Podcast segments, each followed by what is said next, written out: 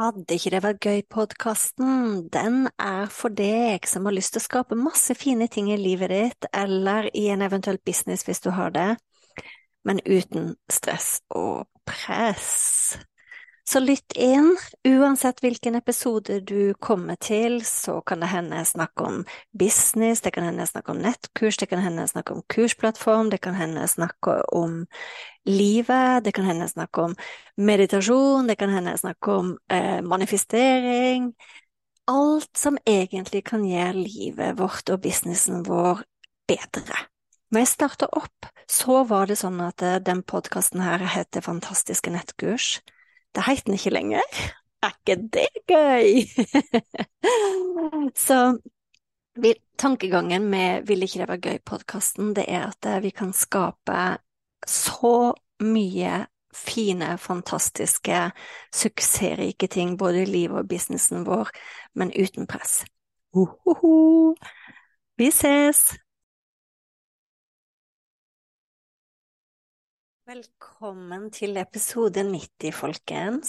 Tenk på det. Jeg har spilt inn 90 episoder, og jeg begynner vel å nærme meg to år med den podkasten her, og jeg merker at når jeg lytter tilbake, så har det skjedd noe med meg, i hvert fall. Eh, og det er gøy, og podkasten har skifta navn underveis. I starten så snakker jeg kun om nettkurs, nå snakker jeg om eh, mange ting, og navnet Vil ikke det være gøy-podkasten elsker jeg. Det gir meg større frihet og fleksibilitet til å snakke om det jeg vil, og alt jeg jobber med, ikke bare nettkurs. Men temaet for denne episoden her, den skulle egentlig ikke være så gøy. temaet for denne episoden her, det er hva gjør når ting er vanskelig? Eh, og jeg tenkte å dele med deg de tre tingene som jeg kommer tilbake til når ting er vanskelig, fordi alle som har levd en stund, vet jo at eh, livet er fylt av store, fine gleder, og så er livet fylt av eh, vanskelige øyeblikk. Og det kan være vanskelig, håper jeg, uh, kollektivt, men det kan også være vanskelig personlig. Og det kan være glede kollektivt, og det kan være glede personlig, sant. Eh, og det at eh, ting er vanskelig akkurat nå i alt som skjer i verden, det er det jo. Det er veldig, veldig krevende alt som skjer i verden. Eh, ikke nok med at vi hadde en pandemi, så ble det avløst med én krig, og så ble det avløst med en krig til, sant. Så um, hva gjør vi da, når ting er så vanskelig? Og jeg kan jo ikke svare for andre enn meg, og jeg vil aldri påstå at jeg sitter inne med noe sannhet. Eh, det er jo eh, like mange sannheter som det finnes mennesker, sant? Men de tre tingene som jeg alltid kommer tilbake til, og som kanskje redder meg, det, de tre tingene jeg har lyst til å dele med deg eh, i den korte episoden her.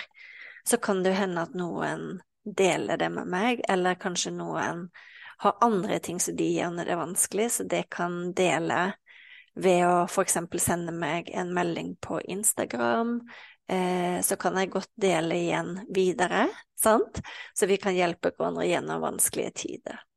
Men den første tingen jeg alltid gjør, det er å søke inn.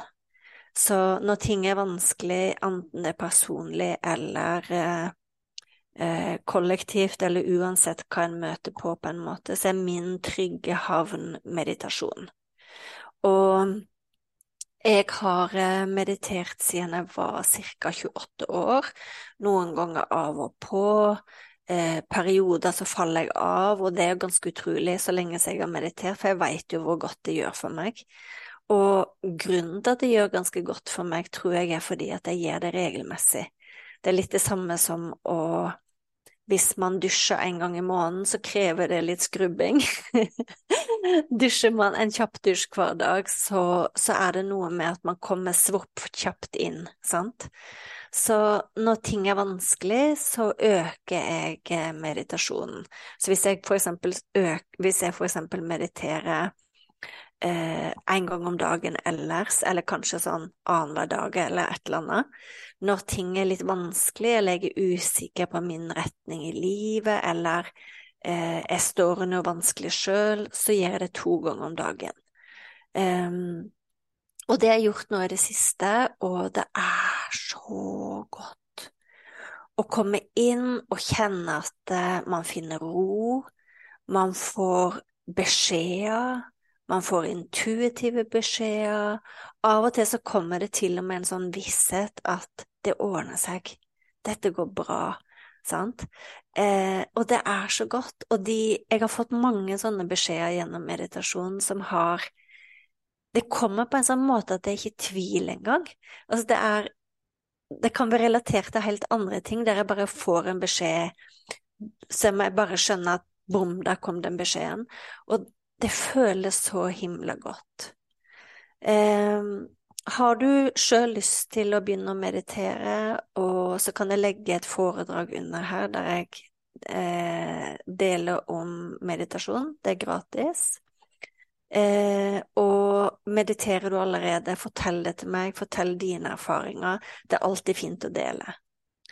Ting nummer to, den henger, som jeg gjør det er vanskelig, Eh, den henger litt sammen med nummer én, men grunnen til at jeg vil snakke om det alene, det er fordi jeg tenker at det er ikke alle som liker å meditere. Eh, og ting nummer to er nervesystemregulering. Sant? Altså rett og slett re regulere hvor mye stress man tar inn. Og det er spesielt når man kjenner at wow, det er litt i overkant nå, jeg har egentlig ikke mer å gå på, det er faktisk eh, litt vel mye, sant. Så er veldig mange ting man kan gjøre for å regulere nervesystemet sitt sjøl. Og det som er da med nervesystemet, det er jo at Å ja, hvis du hørte en lyd nå, så var det bare jeg som dro tekoppen min. Men det som er med nervesystemet, er jo at eh, alle grunner som kan sant? Nervesystemet er delt i to. Det er det sympatiske nervesystemet, og så er det parasympatiske nervesystemet. Og det sympatiske nervesystemet, det blir aktivert når vi opplever frykt, bekymring, vi står i en farefull situasjon, sant? Og eh, det parasympatiske nervesystemet er det som tar over når vi er i ro, vi er avslappa, det kommer mer blodgjennomstrømning til mage, tarm, til indre organer, mens det sympatiske som blir aktivert når vi er redde eller stressa, det eh, gjør oss klare til å kjempe eller flykte, sant? så det går mer blod ut i armer og bein og alle disse tingene. Og det systemet klarer ikke å skille mellom hva det er som gjør at det, håper jeg, um, det klarer ikke skille på grunnen til at eh, aktiveringen skjer. Så det kan være at vi står i håper jeg sånn som tidligere, når vi eh, for lenge, mange, mange, mange, mange, år siden eh, var hulemennesker, og så sto det en løve utenfor, sant? Det er samme systemet som svinger i gang som den dag i dag, der vi opplever uro rundt oss, der vi står i en relasjon der det er eh familiekrangel etc., etc.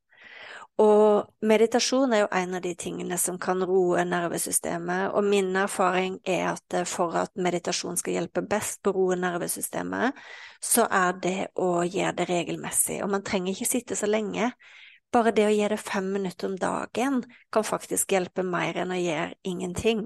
Sant? Så det er grunnen til at jeg er så glad i meditasjon. Men det er mange andre måter å indusere nervesystemet på.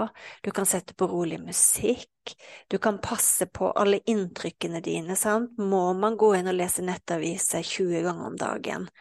Fordi det er så fullt av stress og press. Og jeg sier ikke at du ikke skal følge med, men personlig så går jeg ca. inn en gang i uka. For jeg tenker at jeg trenger ikke den bom, bom, bom, bom, bom daglig. Jeg klarer ikke det, det blir for mye for meg å ta inn. og det betyr ikke at jeg ikke skal henge med i verden og bry oss om hva som skjer, men det betyr at jeg føler et ansvar for å ta vare på mitt nervesystem, samtidig som jeg selvfølgelig ønsker å hjelpe mest mulig ut i verden. Men jeg tror at jeg er til større hjelp hvis jeg klarer å ta vare på mitt nervesystem, eller hvis jeg ikke gjør det. Jeg tror at jeg er en større ressurs for verden hvis jeg gjør det. Men det er mine tanker, da. Den tredje tingen som, som jeg syns er ekstra viktig, det er faktisk å beholde fokus på eh, intensjonen man har for framtida. Hva har man lyst til å skape? Hva har man lyst til å legge igjen i verden? når man en eller annen gang skal forlate denne verden. Sant? Jeg tenker at uh, selv om det skjer tøffe ting, så ja, må man av og til bare puste litt og hente seg sjøl inn, hente kraft innenfra og jobbe videre med det en brenner for sjøl. For det er jo det som til sjuende og sist også vil kunne løfte andre mennesker. Hvis vi jobber med det vi brenner for, de tingene som er viktige for oss. Jeg kommer til å ha en liten manifesteringsutfordring gående nå. Når jeg spiller inn den podkasten her, så er det i januar. Eh, og jeg tenkte at det å slutte året sterkt, og også vite litt hva er viktig for meg, hva er det jeg vil skape mer av, hva er det jeg har for en intensjon, og stå klart i det faktisk før året slutter, sånn at vi kan ta det med oss inn i 2024. Det er min intensjon for den utfordringen, så jeg skal legge en link under her hvis du har lyst til å bli med. Um, så det var egentlig bare det jeg hadde å komme med i den episoden her. Mine tre ting som jeg hele tiden prøver å huske på. Eh, søk inn når det er usikkert ut, sant? sånn at eh, jeg får klargjort hva er mine tanker, hva er viktig, eh, få energi, få styrke. Eh, nummer to, ro ned nervesystemet. Nummer tre, eh, vit hva du har for intensjon for framtida. Eh, jeg skal legge ressurser under her for eh, alle tre. Og dette er noe jeg kunne snakke om lenge, og jeg skal snakke mer om disse tingene. Men hvis det er en av de tingene jeg har snakket om nå, så du kjenner at Jorunn, snakk mer om det, send meg en melding på Instagram eller på e-post, så skal jeg eh, passe på å ta med det i de neste episodene som kommer. Og så prates vi.